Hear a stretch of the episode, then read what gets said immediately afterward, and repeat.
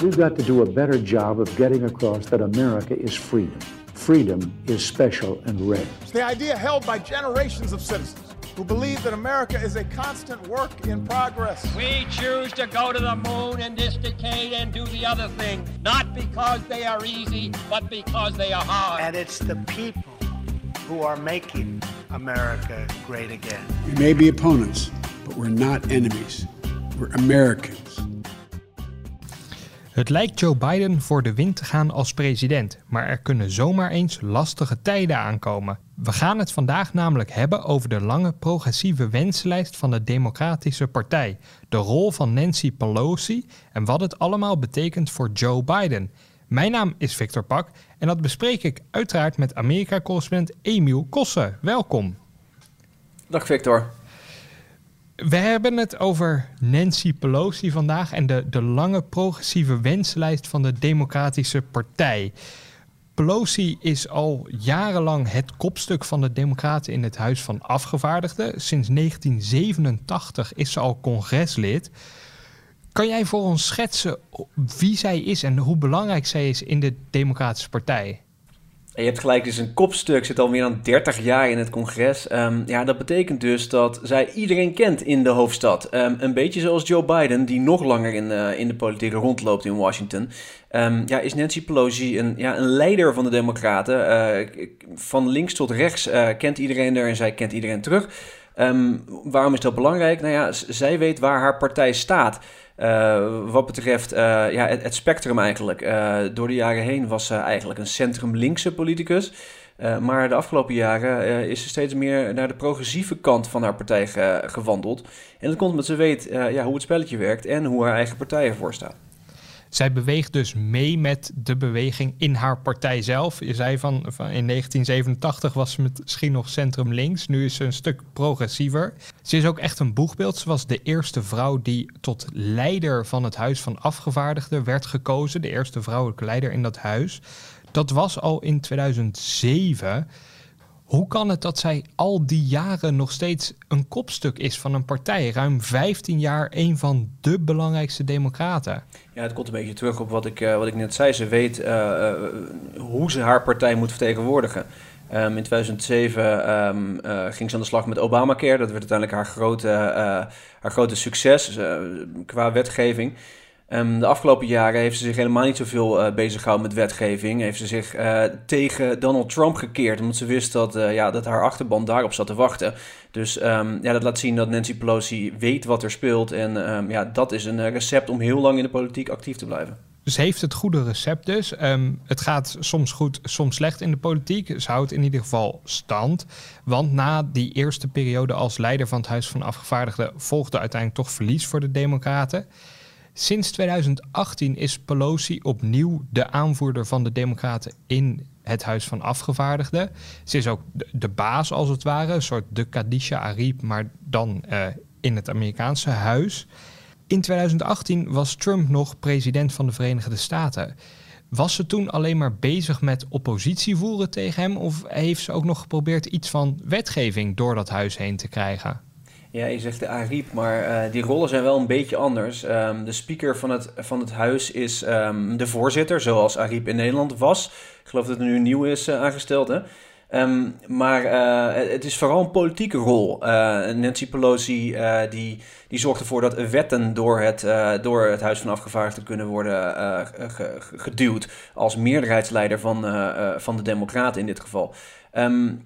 Wetten die werden er niet echt, uh, er werd niet echt veel over gepraat tijdens die uh, Donald Trump jaren.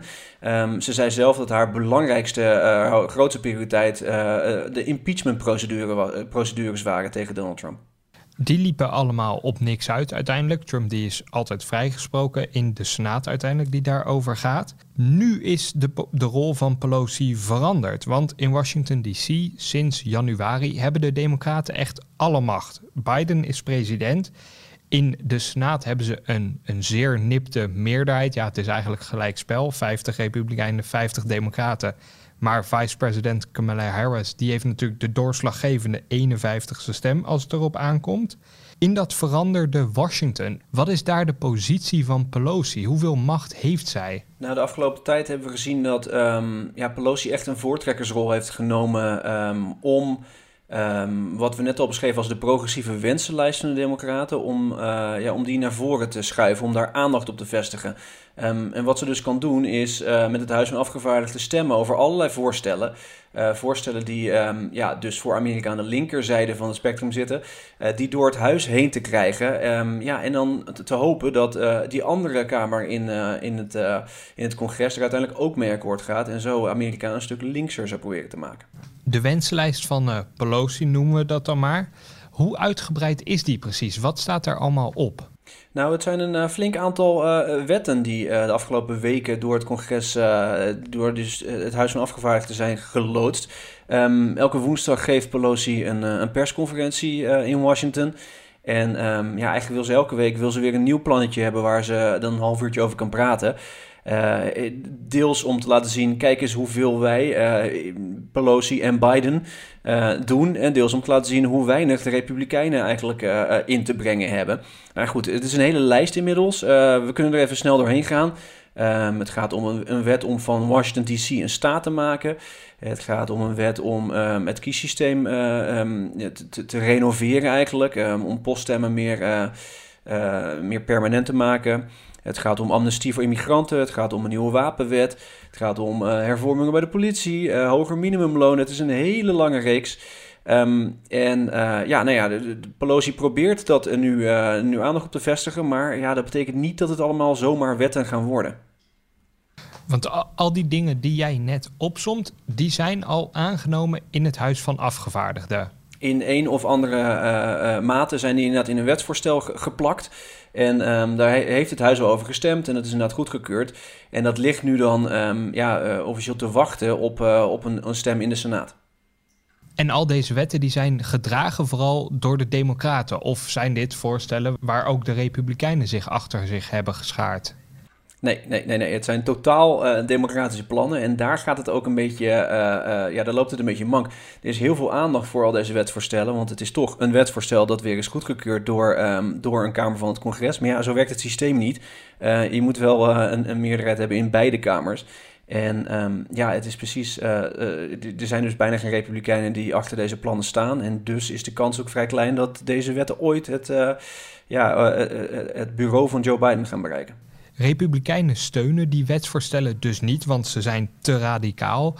Je noemde net de, politiewet op die door de Democraten in het Huis van Afgevaardigden dus is aangenomen, nog niet in de Senaat. Wat staat er in, in die wet dat het zo radicaal maakt? Nou, in dat geval um, gaat het erom dat de Democraten um, het veel makkelijker willen maken um, om agenten aansprakelijk, aansprakelijk te maken voor, ja, voor hun gedrag dat is een heel uh, heikel punt. Uh, want ja, agenten die komen in gevaarlijke situaties terecht als ze gewoon aan het werk zijn. Um, we weten dat het ook wel eens fout gaat. En dan is de vraag dus in hoeverre kunnen ze daarvoor uh, persoonlijk aansprakelijk worden gesteld. De democraten willen echt af van um, qualified immunity heet het dan. Dus van de immuniteit van agenten. republikeinen die zijn het daar niet mee eens. Die vinden dat veel te ver gaan. interessant in dit geval is dat um, ja, de republikeinen wel een eigen wet hebben voorgesteld om ook de politie te hervormen. Um, maar ja, die is een stuk minder, uh, ja, uh, minder uh, radicaal eigenlijk. En de Democraten besloten om maar helemaal niet te onderhandelen met de andere kant. en dus alleen dit voorstel naar voren te, te schuiven, waarvan ze eigenlijk wisten dat het er nooit zou komen. Maar dat is dan toch gewoon heel onhandig?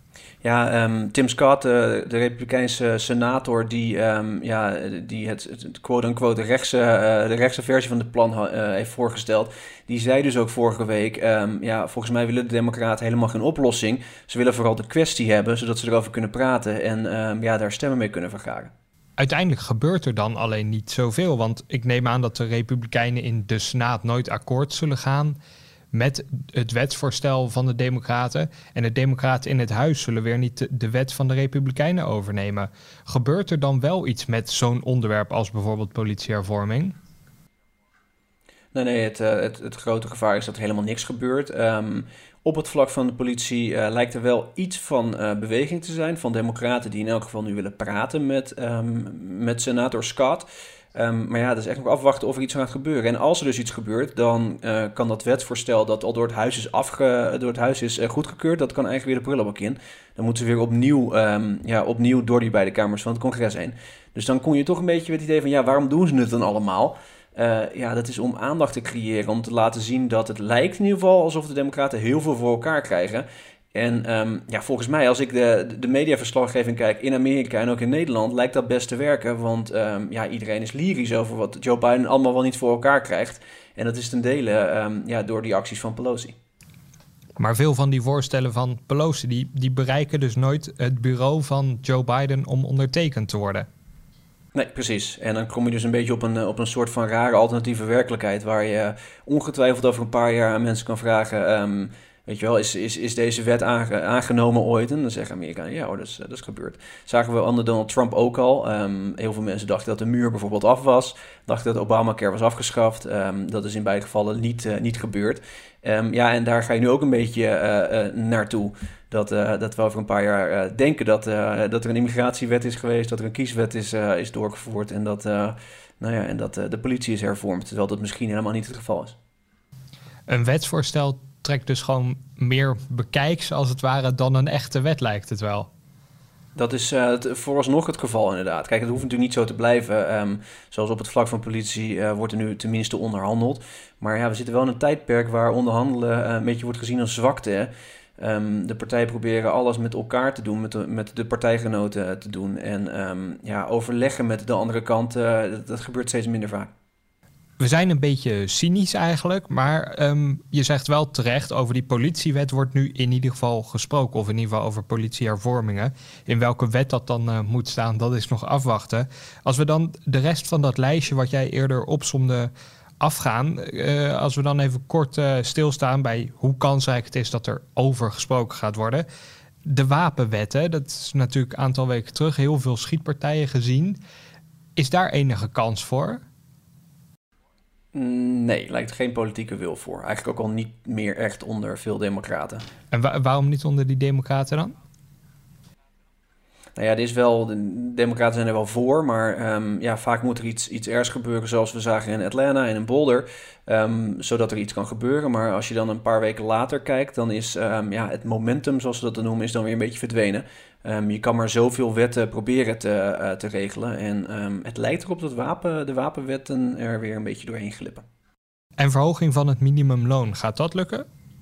Um, ja, dat verhoogde minimumloon naar 15 dollar, dat leek al bijna een vaststaand feit te zijn. Um, ging uiteindelijk toch niet door. Uh, in de onderhandelingen uh, over de coronasteunwet uh, werd dat uiteindelijk in de prullenbak gegooid. Maar ja, de prullenbak is niet helemaal het goede woord, want er zijn wel onderhandelingen over. Um, en er zijn republikeinen, zoals um, senator Mitt Romney, die best een verhoging van het minimumloon willen overwegen. Um, misschien niet helemaal naar 15 dollar per uur. Het is momenteel 7,25, dus dat zou uh, meer dan een verdubbeling zijn. maar een, uh, ja, een compromis lijkt mogelijk op dat vlak. Dan gaan we naar kiesrecht. Is dat uh, kansrijk? Nee, dat is misschien wel de minst kansrijke. Um, er is ook heel veel discussie over, omdat uh, republikeinen in de verschillende staten hun eigen kieswetten aan het uh, doorvoeren zijn. Um, waarbij de regels vaak iets worden verscherpt. Um, de regels bij het stemmen. Uh, de democratische wet, dat zou een landelijke wet zijn, die probeert die regels juist heel erg op te rekken. Het makkelijker te maken om te stemmen. Dat klinkt fijn, um, maar op bepaalde punten uh, heb je natuurlijk regels nodig. Uh, rond bijvoorbeeld het stemmen per post. Maar goed, ja, er lijkt weinig animo te zijn bij de Republikeinen om daar maar ook een vinger steun aan te geven. Vooral dus omdat de Democraten zo boos reageerden op die paar kieswetten in, in een staat als Georgia en rechten voor Washington DC om staat te worden? Ja, dat gaat dus waarschijnlijk ook niet gebeuren. Um, zelfs als, als zou dat um, door uh, de beide kamers van het congres komen, dan is het nog de vraag of het allemaal uh, grondwettelijk oké is. Um, ja, omdat het dus echt in de grondwet staat dat Washington een, neutraal uh, gebied moet zijn. Dus ja, zelfs als dat gebeurt, dan zijn we nog een paar jaar bezig om, om te kijken of het echt wel allemaal kan op deze manier wouden niet heel veel over zo uh, in, in het lijstje. De, de, amnestie voor, voor immigranten. Uh, we hebben laatst een hele podcast gewijd aan immigratie en aan de vastgelopen discussie. Toen zeiden we wel dat er misschien iets mogelijk zou zijn tussen de Democraten en Republikeinen. Hoe staat het daar nu mee? Ja, dat is een gek thema. Want eigenlijk onder Donald Trump leek het meerdere keren alsof de Dreamers, ehm, de immigranten die op jonge leeftijd naar de Verenigde Staten kwamen, nu er al 10, 20 uh, jaar uh, verblijven, uh, dat die Dreamers een, een, een, een pad naar een, een, legaal verblijf zouden krijgen. Um, dat was onder Donald Trump een aantal keer. Um, en dat gebeurde net niet elke keer, gewoon puur op politieke onderhandelingen. Hetzelfde is nu het geval. Heel veel Republikeinen zijn dus voor, alle Democraten zijn voor. Maar ja, dan moet je wel net een goed politiek moment vinden um, om zo'n wet er doorheen te, te krijgen. En um, ja, dat is niet nu, uh, omdat er nog steeds problemen zijn met duizenden kindmigranten aan de, aan de zuidgrens. Um, ja, daardoor is de politieke wil om nu uh, illegale immigranten van vroeger amnestie te verlenen, ja, die, die wil is een beetje verdwenen. Maar voor de toekomst sluiten we het niet helemaal uit. Dat is dan een klein, klein lichtpuntje uit de, uit de lijst. Nee, dit is een thema waar we. Ja, het, het, het, klinkt stom, want het gaat natuurlijk gewoon om, om, om mensen, mensenlevens die. Ja, heel, veel mensen die, die zitten gewoon te wachten op een legale status om, uh, om, om bijvoorbeeld een baan te, te krijgen. Uh, maar ja, die moeten echt wachten voordat, voordat het congres er een keer klaar voor is. En het congres moet dan natuurlijk wel met wetten komen die Joe Biden ook in orde vindt, waar Biden zin in heeft om zijn krabbeltje eronder te zetten. Bij de wetten die we net hebben opgenoemd, is dat daar überhaupt het geval? Baalt Biden nou heel erg dat Republikeinen alles maar blokkeren wat de Democraten in het huis aannemen? Of aarzelt hij zelf eigenlijk ook bij de voorstellen die daar worden aangenomen? Ja, het is een beetje dubbel. Um, publiekelijk zou Biden zeggen dat hij uh, voor al die plannen is. Um, maar achter de schermen uh, weet hij ook dat ja, de kans gewoon niet zo groot is dat ze als wet worden aangenomen. En dan is het dus een beetje verspilde tijd, eigenlijk verspilde energie. Want uh, ja, die wetten waar we het net over hebben gehad, dat is alles waar het Huis van Afgevaardigden zich, bezig, uh, zich mee bezighoudt voor, uh, voor maanden achter elkaar. Liever heeft hij dat, dat, het, dat Pelosi het veel meer heeft over infrastructuur. En um, ja, over plannen die, die wel echt een goede kans maken om, om het om het uiteindelijk te redden. Want ja, uiteindelijk gaat het leiden tot uh, teleurstellingen. Over, uh, over een jaar tijd, als geen van die wetten uh, werkelijkheid is geworden, dan, dan zijn een deel van de mensen die misschien geloven dat het wel gebeurd is, maar het, het overgrote deel van de mensen is dan misschien een beetje teleurgesteld. Um, ja, dat al die beloftes niet zijn uitgekomen. Frustreert het Biden dan niet dat hij zijn pen op zak kan houden in plaats van volop wetten te ondertekenen? Nou ja, weet wat de politieke realiteit is. Uh, niemand snapt het spel beter dan uh, Joe Biden. Um, daarom geeft hij ook niet zoveel aandacht aan, uh, aan dit soort plannen. Um, hij, roept het, hij riep het, het congres wel op om bijvoorbeeld een wapenwet um, er doorheen te krijgen. Maar goed, hij weet dat het niet gaat gebeuren. Dus kan hij ja, die verantwoordelijkheid makkelijk bij Pelosi leggen en het dan ja, zo laten. hij houdt zich veel meer bezig met, ja, met het grote plaatje. En het grote plaatje in dit geval is na die coronasteunwet van, van 2 biljoen dollar. Uh, nu een infrastructuurproject um, van nog eens 2 biljoen. En daarna nog een, uh, een soort van menselijk infrastructuurplan. Um, met, met thuiszorg, ouderenzorg en goedkoop onderwijs. Van nog eens een keer 2 biljoen. Dus ja, daar houdt hij zich mee bezig. Um, en ja, die quote-unquote kleine wetjes, die laat hij er maar voor wat het is. En al die plannen die, die je net opnoemt, waar Biden zich wel hard voor maakt daar is wel reële kans van dat ze uiteindelijk een wet worden. Ja, um, zeker op infrastructuur. Um, het heeft ook mee te maken omdat in dat geval, um, uh, in, dat zijn twee wetten waar het om geld gaat. En als je het hebt over begrotingswetten, um, wil niet altijd technisch worden, maar dan kan je in de Senaat uh, uh, met 50 stemmen, heb je dan voldoende en heb je een meerderheid om, om die plannen doorheen te krijgen. En dus hoef je niet die 60 drempel te halen waarbij je republikeinen moet betrekken. Dus dat maakt het allemaal een stuk makkelijker. Want dat is waar alle wetten van Pelosi op stuk lopen. Er is geen republikeinse steun voor om die drempel van de 60 in de Senaat te halen. Als, als ik het dan zo even probeer te, te concluderen, dan is Pelosi eigenlijk een soort van de linkse pitbull van Biden, die ervoor zorgt dat allerlei linkse wensplannetjes op de agenda staan. Het lijkt alsof de Democraten dat ook heel serieus nemen zodat Biden eigenlijk zijn handen vrij heeft om, om zijn eigen prioriteiten te stellen. Ja, ik zou niet beter kunnen, uh, kunnen omschrijven. Het zijn een soort van proefballonnetjes inderdaad. Um, maar dat maakt het niet belangrijk. Uh, het maakt het eigenlijk belangrijker voor ons om het er een keer over te hebben. Um, ja, om wel een beetje um, expectations management uh, te, te, doen. Want ja, zoals we nu al hebben geconcludeerd, een hoop van die dingen gaan niet gebeuren. We schetsen wel zo een, een cynisch beeld van de politiek. Is dit gewoon de nuchtere blik op de stand van zaken in Washington DC zo? Ja, het is um, in, in, in het gepolariseerde politieke landschap is het blijkbaar uh, aantrekkelijker om uh, plannen te introduceren voor de buren, voor je eigen, eigen achterban, dan um, om er serieus over te praten. Um, en dat gebeurt misschien wel op de achtergrond, maar op de voorgrond, op MSNBC, gaat het dan vooral over die wetsvoorstellen. En dan wordt er natuurlijk gewezen naar die stomme republikeinen die niet voor willen stemmen. Um, ja, dat past in de polarisatie, dat past inderdaad in het tijdsbeeld. Um, uh, 50 jaar geleden zou het heel anders zijn gegaan. Bijna 50 jaar geleden was Ronald Reagan president van de Verenigde Staten. En daar ga ik het over hebben met onze huis-Amerikanist Koen Petersen. I, Barack Hussein Obama. I, George Herbert Walker Bush. William Jefferson Clinton. Do solemnly swear. De presidenten van Petersen. So help me God. Welkom Koen, fijn dat je er weer bent. We hebben het net al gehad over het wensenlijstje van de Democraten. Die willen de overheid flink uitbreiden. Biden zegt dat zelf ook.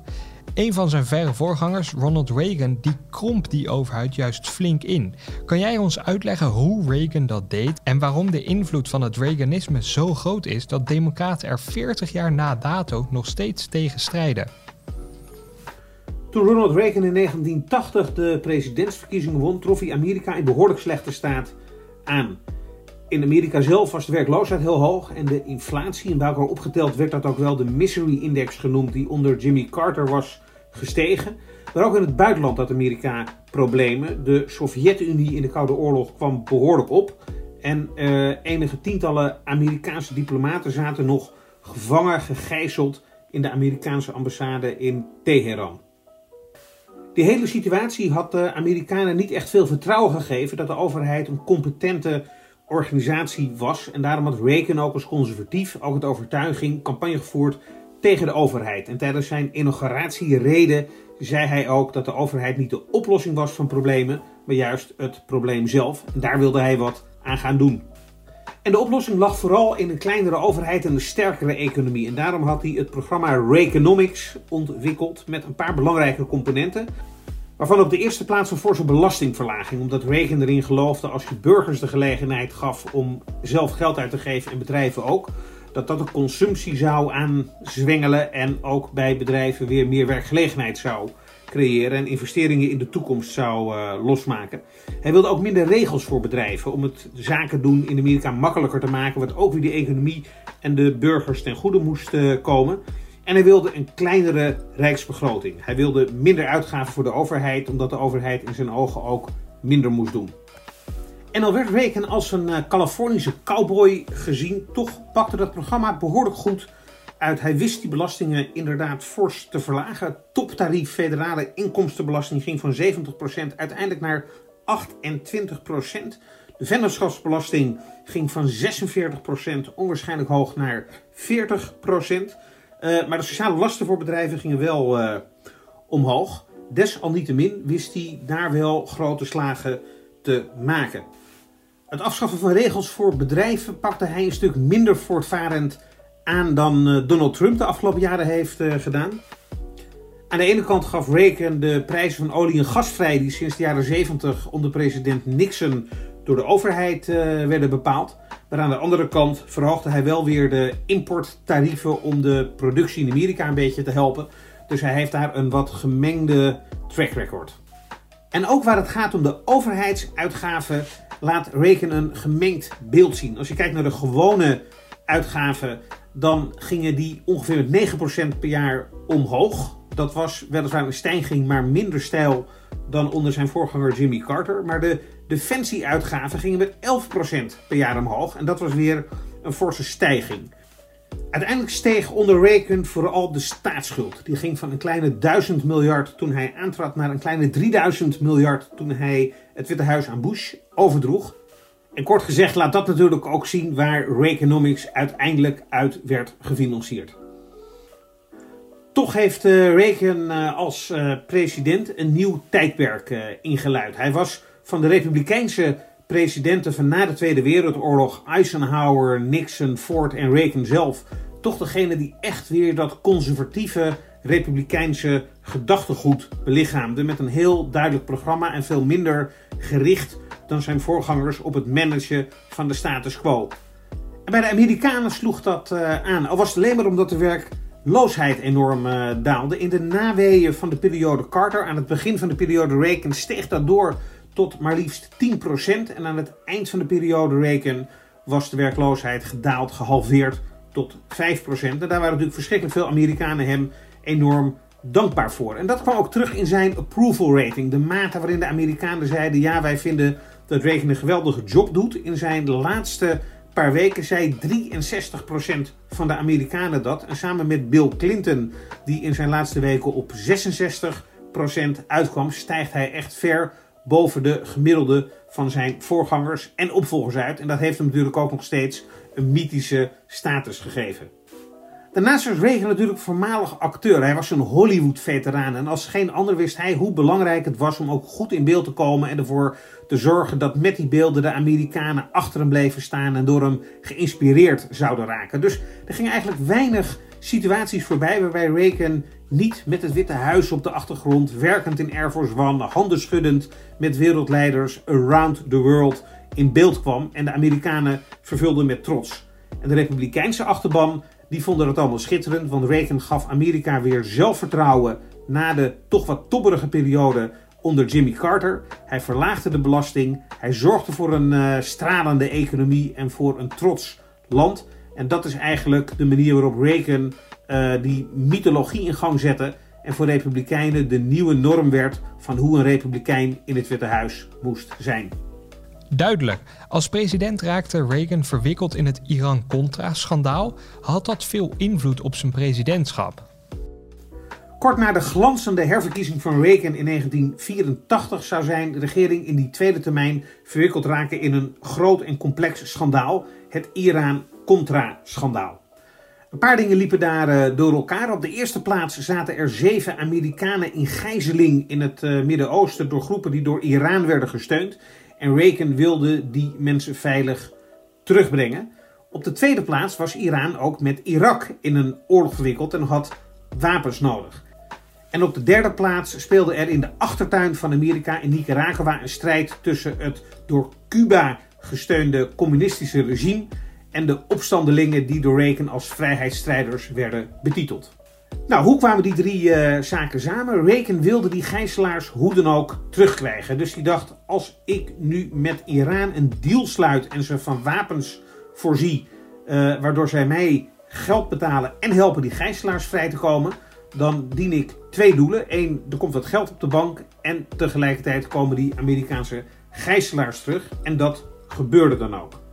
Alleen het geld dat Iran betaalde voor die wapens kwam niet allemaal in de staatskas terecht. Want een deel daarvan, meer dan de helft, bleek onvindbaar. En wat was daar gebeurd?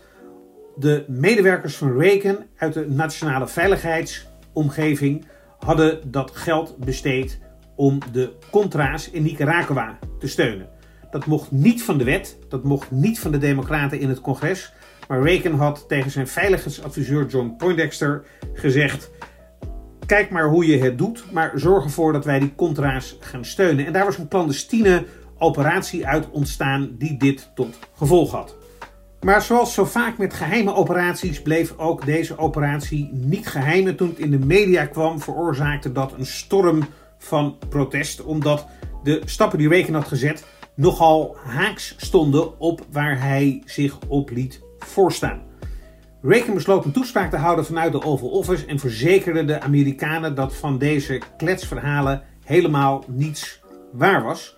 Maar een paar dagen later moest hij dat statement alweer bijstellen en in ieder geval aangeven dat er geen sprake was van een deal met Iran om die gijzelaars vrij te krijgen.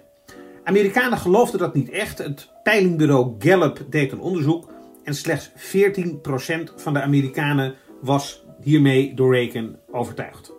En hiermee ontstonden twee punten van twijfel over Reagan onder de Amerikanen. Op de eerste plaats was de vraag: ja, is Reagan wel voldoende on top of things? Heeft hij die bureaucratie waar hij de baas van is wel voldoende in de hand? En daaraan gekoppeld kwam ook de vraag op: is hij mentaal nog wel scherp genoeg om de baan te doen? En dat betekende dat de discussie eigenlijk veel minder ging over zijn beleid, maar meer over zijn persoon. En dat komt een president uiteindelijk niet goed van pas. Heeft Reagan daar duurzaam schade door geleden? Ik denk het wel. Want je kunt geen boek over Reagan openslaan. Of dit komt toch wel als een hele lelijke vlek op zijn presidentschap uh, naar voren. Maar aan de andere kant kun je ook zeggen: eind goed, al goed. Want zoals eerder aangegeven had Reagan een enorm hoog populariteitsscore aan het eind van zijn acht jaar in het Witte Huis. En over het algemeen kijken Amerikanen, maar zeker ook Republikeinen, vooral met warme gevoelens op zijn presidentschap terug. En benadrukken dan vooral de successen die hij vanuit het Witte Huis heeft kunnen realiseren. Veel republikeinen adoreren Reagan nog altijd. Waarom heeft hij zo'n mythische status bereikt en bijvoorbeeld George W. Bush niet? Toen Reagan begon als eh, Amerikaans president hadden heel veel mensen twijfel. Hij was natuurlijk een cowboy-acteur uit spaghetti-westerns en B-films.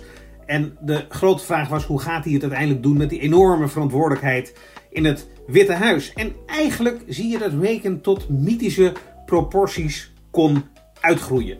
Ik denk dat er een aantal verklaringen voor zijn. Op de eerste plaats binnen de Republikeinen zelf maakte Reagan een eind aan een hele lastige, moeilijke periode voor de Republikeinen. Richard Nixon, de laatste president die gekozen was als Republikein in het Witte Huis, moest als gevolg van de Watergate-affaire aftreden.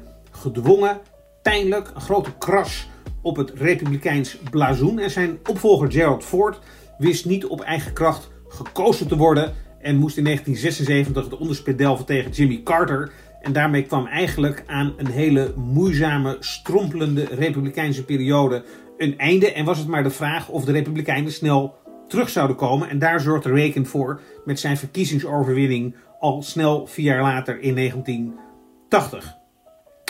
En daarmee werd eigenlijk het tweede punt ook ingeleid, want het contrast met zijn voorganger Jimmy Carter was ongelooflijk groot. Vooral ook in de optics.